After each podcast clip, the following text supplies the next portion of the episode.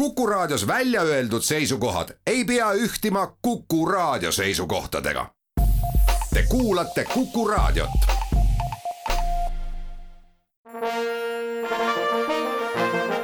Vanemuise veerand tere kõigile teile, head Kuku raadio kuulajad, Vanemuise veerand alustab, mina olen saatejuht Tiiu Rööp. kallid kuulajad, meil on täna ajalooline saade. mulle teadaolevalt on see esimene kord, kui Vanemuise veerandis on külas akadeemik ja päris kindlasti on see esimene kord, kui Elmo Nüganen lavastab Vanemuises ja seetõttu on ta Vanemuise veerandis külas. tervist! tere! saate sissejuhatus saaks veelgi pidulikum kui ma väidaksin, et laupäeval Vanemuise väikeses majas esietenduv Wolfgang Amadeus Mozarti ooper Liiderdaja karistus ehk Don Giovanni on Elmo Nüganeni esimene ooperilavastus. aga nii väites jääksin ma rumalasse olukorda, sest tuhande üheksasaja üheksakümne neljandal aastal Elmo Nüganen lavastas Mozarti ooperi Figaro pulm. kui Pärnu ooperis tuli välja Figaro pulm, siis ma mäletan ühest intervjuust, et teatriteadlane Kristel Pappel ta ei tahtnud päris omaks võtta seda mõtet, et tema oli see, kes soovitas, et Elmo Nüganen võiks lavastada Figaro pulma. ta ütles, et tema oli see, kes selle sõnastas, kes selle välja ütles. kuidas jõudis teieni ettepanek tulla nüüd Vanemuisesse ooperit lavastama? Risto Joost helistas ja ma olin Lätis filmivõtetel, Melchiori võtetel, oli puhkepäev. Ristot ma isiklikult ei tundnud, ma muidugi teadsin teda, aga me ei olnud niimoodi silmast silma kohtunud ja sõbramehelikult rääkinud, ta helistas ja kuna ma teadsin oma sügiseseid plaane, ehk kui ma teadsin, et ma, et ma olen peale pikka Linnateatri perioodi selleks ajaks juba Linnateatrist äh, vaba ja valmis uuteks väljakutseteks, siis ma küllaltki ruttu ütlesin jah. natuke me rääkisime enne seda, siis ma ütlesin jah, siis rääkisime veel pikalt sinna otsa ja, ja nii oligi mille üle mul on väga hea meel, et ta, et ta helistas ja et ma talle pähe tulin. ma olin eelnevalt mitmeid äh, kordi selle ooperiga nagu flirtinud või, ja ka Estonia teatriga erinevate inimeste juhtimise all oleva Estonia teatriga ka rääkinud, aga aga kuna mul oli omal teater, siis ühel hetkel oli neil selge, et, et ega ma vist teistes teatrites ei tee, ma ikkagi teen ühes teatris kogu aeg oma koduteatris. ja seetõttu see lihtsalt, kõik see asi jäigi, jäigi ära. Aga nüüd see juhtus, et Maristole meelde tuli, mul on selle üle hea meel.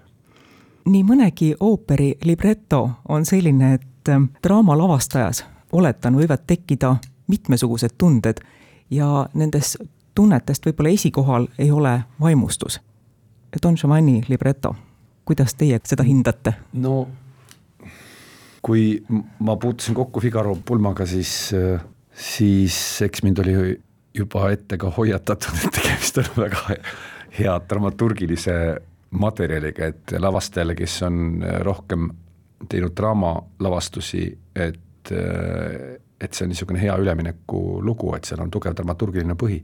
ja, ja nüüd, kui uuesti Don Giovanniga, kui see ettepanek tuli, siis ja ma mitmest suust kuulsin seda, et see on ikkagi üks täielik pärl või pärlite pärl, see ooper. Ja, ja lugesin äh, erinevatelt autoritelt äh, seda, et kuivõrd dramaturgiliselt läbi töötatud see nii Mozarti poolt muusikalises mõttes kui ka libretisti poolt, Ponte poolt on ja nende koostöö, siis äh, nüüd kokkupuutes sellega proovisaalis ma veendun, et see mitte lihtsalt ei ole nii, vaid see on veel enam nii, kui, kui mulle on seda räägitud ja kui, kui ma seda lugesin.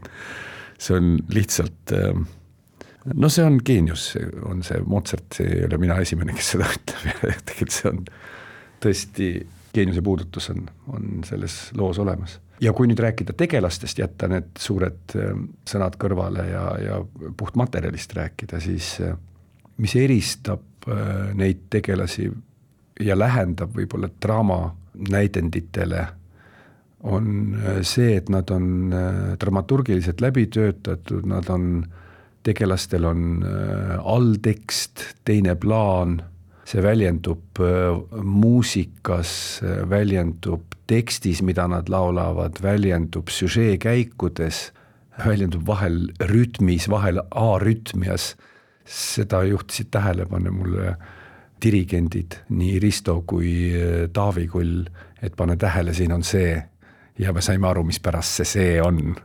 et miks autor kasutab järsku, autori all ma hetkel pidasin silmas siis Mozartit, miks ta muusikas äh, järsku läheb vastu takti või muutub arütmiliseks või et ta tahab midagi edasi anda ja siis saad aru, et ta teeb seda dramaturgiliselt ja siis, kui sa leiad näitlejatega, lauljate, solistidega koos leiad äh, niisuguse allteksti võimaluse või teise plaani või kas see ikka on nii, et hakka vaatama, äkki siin on hoopis see on peidus, et sellest küll otseselt ei räägita, aga siin on äkki midagi niisugust.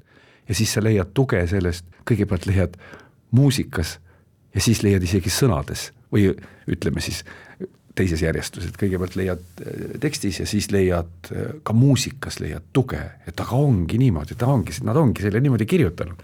Need vähid ongi siia kivi alla peidetud. Nad esimesel hetkel ei hakka silma, aga nad on olemas, siis see on muidugi väga suur, väga suur rõõm, et väga kosutav, väga hingeliselt on ja, ja vaimliselt on väga huvitav selles maailmas olla, need on ikkagi suured meistrid, need Dostojevskid ja, ja, ja, ja Mozartid. ja Dostojevskit ei nimetanud ma niisama juhuslikult, vaid kui rääkida Don Giovannist ja sellest tegelaskujust, see on ju Don Juan, eks ole, küll mitte Tallinnas, aga et aga ikka seesama Don Juan, et see Don Giovanni sarnaneb milleski väga olulises ühele Dostojevski tegelasele kuritööst ja karistusest äh, peategelasele Raskolnikovile, kes äh, niisamuti nagu Don Giovanni mõtleb, et ei tea, mispärast ma peaksin mingit jumalat kartma või et ega ma mingi täi ei ole, ma olen ju inimene, ma teen, mis ma tahan. kui ma vastutan, siis ma vastutan iseenda ees ka. siis võib-olla, kui ma tahan. kui ei taha, siis ei vastuta ka, ega ma mingisugune plönn ei ole, mingi täi.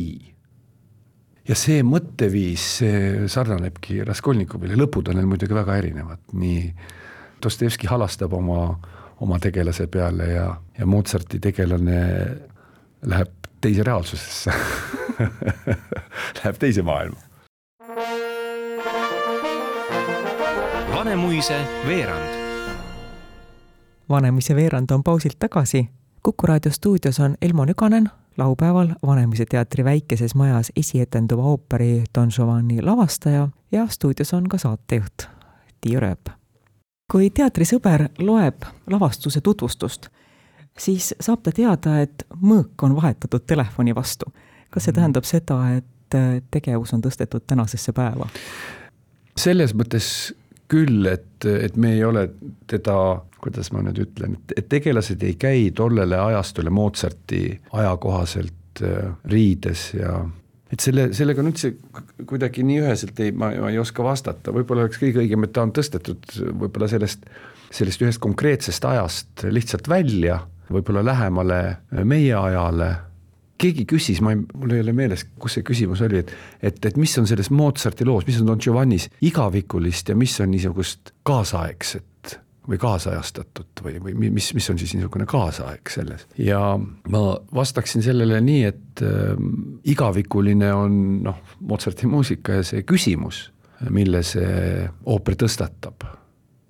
et kas inimene vastutab oma tegudega kellegi või millegi ees või vastutab ta seda iseenda ees siis, kui ta ja seda ka ainult siis, kui ta tahab. või me oleme jõudnud nii kaugele, et tegelikult me ei pea seda ka tegema.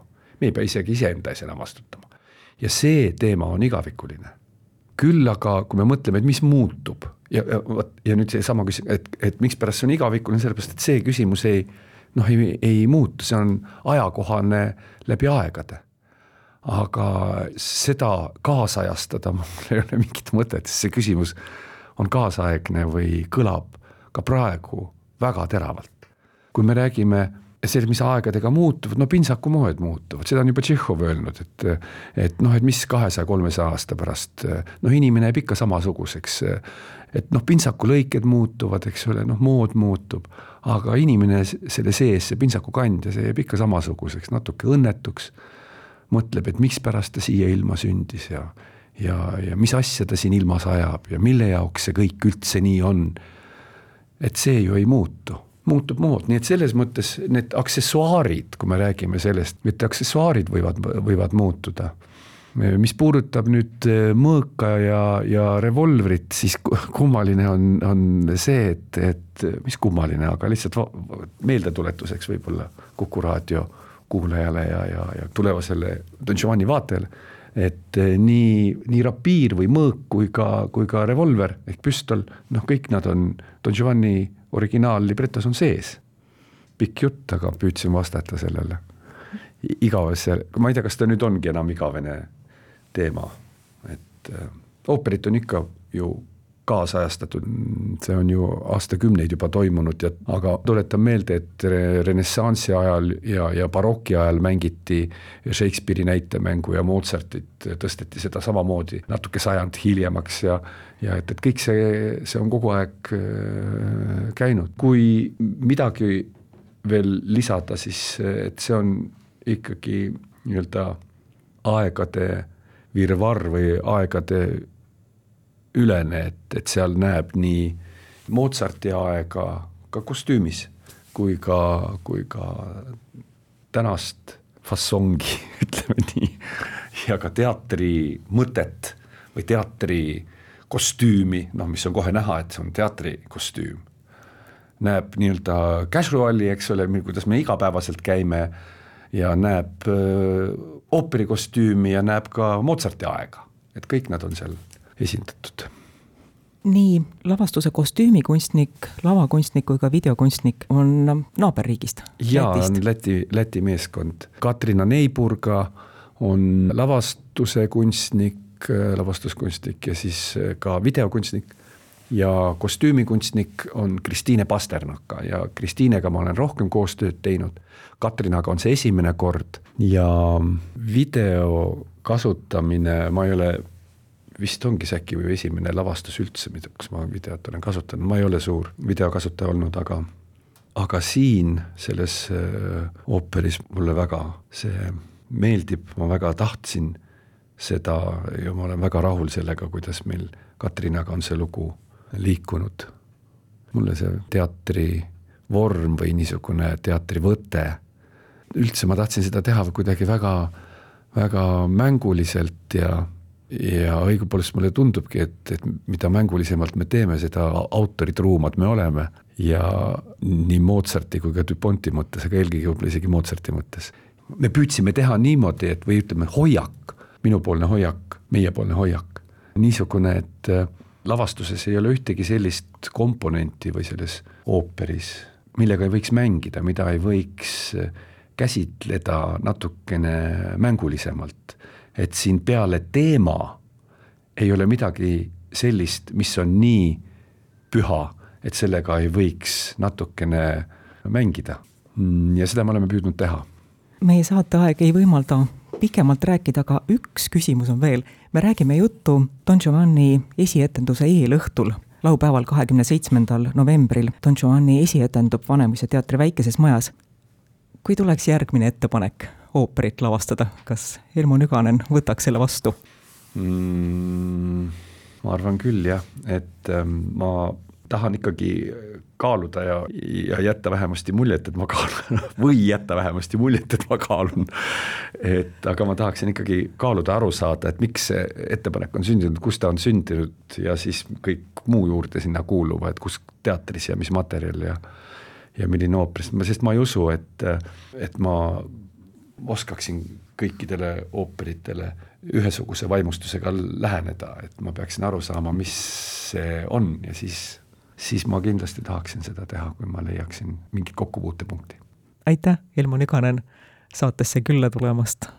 aitäh jutuajamise eest. aitäh. aitäh kõigile teile, head kuulajad. jälle kuulmiseni. Vanemuise veerand